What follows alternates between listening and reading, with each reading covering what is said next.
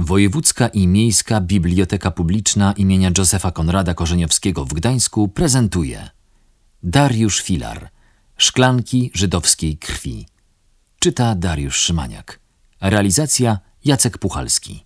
Fotograf ustawił mnie na tle dużego landszaftu z brzozą i skrawkiem pokrytego białymi chmurkami nieba, a ja poprawiłem koalicyjkę, lewą dłoń niedbale wsunąłem za pas – a lekko uniosłem prawą, między palcami której trzymałem papierosa. Nie był zapalony, ale przecież na fotografii nie sposób to było dostrzec, a bardzo dodawał mi powagi starego wiarusa. Później długo się zastanawiałem, co napisać na odwrocie fotografii i wymyśliłem słowa, które też należały do tych, co po kres życia pozostają w pamięci. Najdroższej siostruni w dniu moich dziewiętnastych urodzin – pod własną nieobecność śle papieżaną podobiznę. Poldek. Odpoczynek w Marmarosz-Siget nie trwał długo. Już w połowie października wiadomym się stało, że mamy przeprowadzić ofensywę na Stanisławów. W linii prostej mógł się wydawać niezbyt odległy, nieco ponad 100 kilometrów. Tyle, że oddzielono od naszych pozycji pasmem gorganów, gór dzikich, gęsto zalesionych, poprzecinanych bystrymi potokami, z najwyższymi szczytami liczącymi tysiąc, półtora tysiąca i jeszcze więcej metrów. Wijące się po zboczach wąziuteńkie ścieżki zupełnie nie nadawały się dla marszowych kolumn, a tym bardziej dla naszych górskich dział i taborów. A przecież nie tylko przyroda gotowa była stawić nam opór. Zwiadowcy ustalili, że znacznie bliżej niż w Stanisławowie na przeciwległych górskich stokach w okolicach Nadwórnej, Pasiecznej i Pniowa okopały się silne oddziały rosyjskie. Ale rozkaz ofensywy to rozkaz ofensywy. By ją umożliwić, odłożyliśmy karabiny i, zbrojni w siekiery, piły, kilofy i łopaty, zaczęliśmy budować siedmiokilometrową drogę przez przełęcz pantyrską. Kilka dni morderczej pracy od świtu do zmierzchu, układania wielkich głazów i okrąglaków, brodzenia w lodowatej wodzie, by wznieść z bali solidne mosty. Boszek znowu marudził i powtarzał, że po to, by zostać brukarzem, nie musiał wstępować do polskiego wojska. Tym razem było to jednak marudzenie dosyć wesołe, a patrzenie już na gotowe odcinki szerokiego traktu wyraźnie napawało go zadowoleniem. Zgodnie zachwycaliśmy się pięknem tamtych stron, ogromnymi jodłami, świerkami i mieniącymi się już barwami późnej jesieni bukami gajami kosodrzewiny i rudziejącymi połoninami, samotnymi szczytami, ku którym prowadziły pola skalnych rumowisk. W krystalicznym powietrzu wzrok sięgał daleko, a wędrówka słońca z każdą chwilą zmieniała intensywność kolorów na odległych zboczach i przesuwała rzucane przez szczyty cienie. W ostatnim tygodniu października mogliśmy uderzyć. Rosjanie do końca nie wierzyli, że zdołamy pokonać góry marszem na wprost – i okazali się kompletnie zaskoczeni. Szybko wypieraliśmy ich z kolejnych pozycji, a oni doliną Bystrzycy wycofywali się na północ. Ich artyleria próbowała osłaniać odwrót szrapnelowym ogniem, ale nie wyrządziła nam większych szkód. Było paru rannych, a poległ tylko jeden z naszych, któremu szrapnelowy cylinder rozerwał się tuż nad głową i zmienił jego ciało w bezkształtną masę. Nikt nie potrafił go rozpoznać i pochowany został bezimiennie. Zajmowaliśmy dobrze zagospodarowane okopy i ziemianki. W niektórych kwaterach wpadły nam nawet w ręce samowary, które nie zdążyły ostygnąć.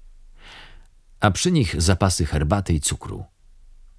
Do popołudnia nasze były nie tylko pasieczna i pniów, ale także cała nadwórna. Odnieśliśmy zwycięstwo. W szeregach zapanowała euforia. Przeszliśmy bojowy chrzest i wróg przed nami uciekł. Połowa drogi do Stanisławowa została pokonana, a straty w ludziach okazały się umiarkowane. Wojna wcale nie była aż taka straszna. Tamtego popołudnia i wieczoru nie zdawaliśmy sobie sprawy, że mamy za sobą zaledwie prolog krwawego spektaklu, w którym już wkrótce mieliśmy wystąpić. Przejęcie okopów, które wcześniej przygotował sobie ktoś inny, ma dobre strony, bo oszczędza mnóstwa ciężkich prac ziemnych – Pozwala też korzystać z różnych udogodnień, jakie wprowadzili poprzednicy. Miejsc do gotowania strawy, suszarni, w których można rozwiesić przemoczoną odzież, prycz, na których śpi się lepiej niż na gołej ziemi. Ale stare okopy mają też słabsze strony. Już pierwszej nocy poczuliśmy, że coś nas niepokoi, drażni i wybija ze snu. To były wszy, od dawna zadomowione w zakamarkach transzei i ziemianek, a teraz z ożywieniem witające w naszych osobach nowych współlokatorów. Tylko ten, kto takiego zmasowanego ataku wszy doświadczył, wie, jak intensywne potrafi być marzenie o gorącej kąpieli, czystej bieliźnie i świeżo posłanym łóżku. Ale tego stare okopy nie zapewniają. Na trzeci dzień po naszym zwycięskim wejściu do nadwórnej poderwały nas wczesnym rankiem alarmowe sygnały. Od strony odległego o cztery kilometry Mołotkowa zbliżała się rosyjska tyraliera. Niebo dopiero zaczynało szarzeć, nad ziemią unosiła się lekka mgiełka i dalekie, maleńkie sylwetki piechurów wydawały się trochę nierzeczywiste. Ale wkrótce było już widać, że za pierwszym ich rzędem podąża następny, a jeszcze dalej ustawiają się kolumny kolejnych oddziałów. Pułkownik Zieliński przechadzał się wzdłuż naszych szeregów i upominał, by nie otwierać ognia przedwcześnie, nim wydany zostanie rozkaz. Mieliśmy celować starannie – nie marnować kul i w żadnym razie nie cofać się z zajmowanych pozycji. Minęła jeszcze chwila i Rosjanie krzycząc Ura! zaczęli biec ku nam.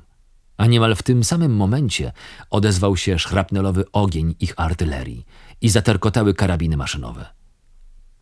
Kazano strzelać i nam, a że celowaliśmy starannie, to rosyjska tyraliera poczęła żednąć. Kolejni sołdaci upadali na ziemię i nieruchomieli. Minęła jeszcze minuta czy dwie i ci, którzy przeżyli nasz ostrzał, poszli w rozsypkę i zawrócili ku swoim pozycjom wyjściowym. Przerwa w walce nie trwała jednak długo. Całą szerokością pola galopowała teraz na nasze stanowiska kozacka sotnia. Strzelaliśmy znowu, patrząc, jak przybywa koń bez jeźdźców i odetchnęliśmy, gdy szarża także się załamała.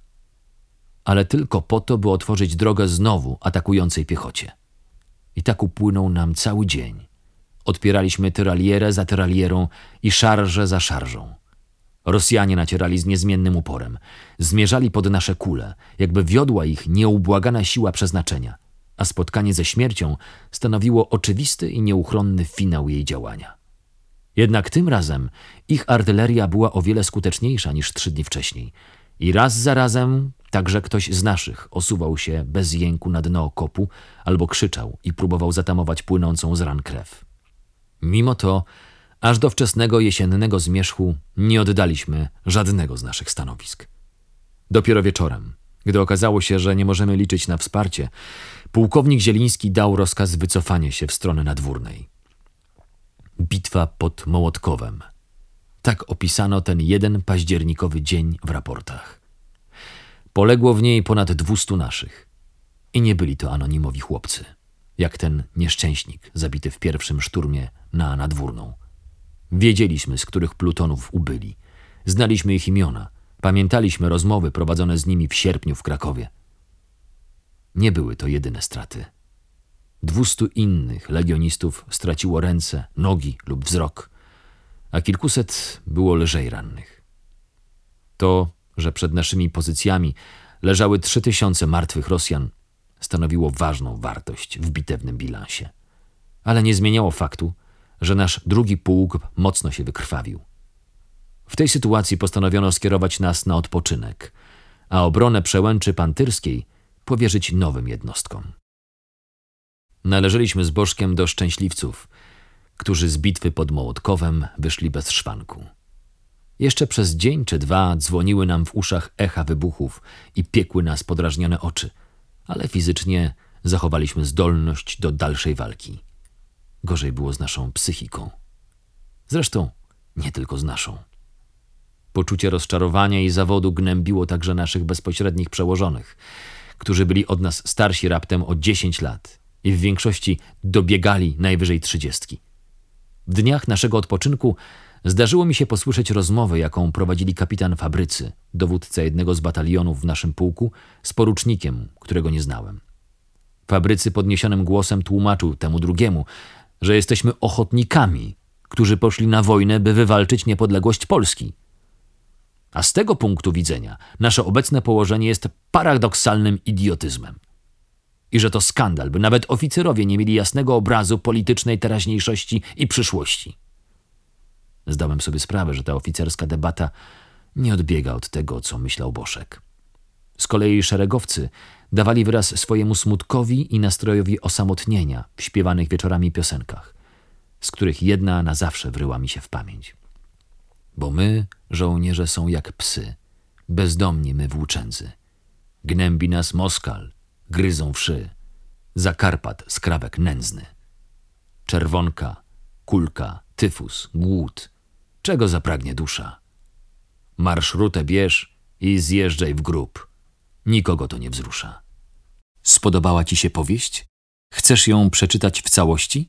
Szklanki żydowskiej krwi Dariusza Filara do kupienia w niektórych filiach Wojewódzkiej i Miejskiej Biblioteki Publicznej w Gdańsku lub sklepiku online na stronie www.wbpg.org.pl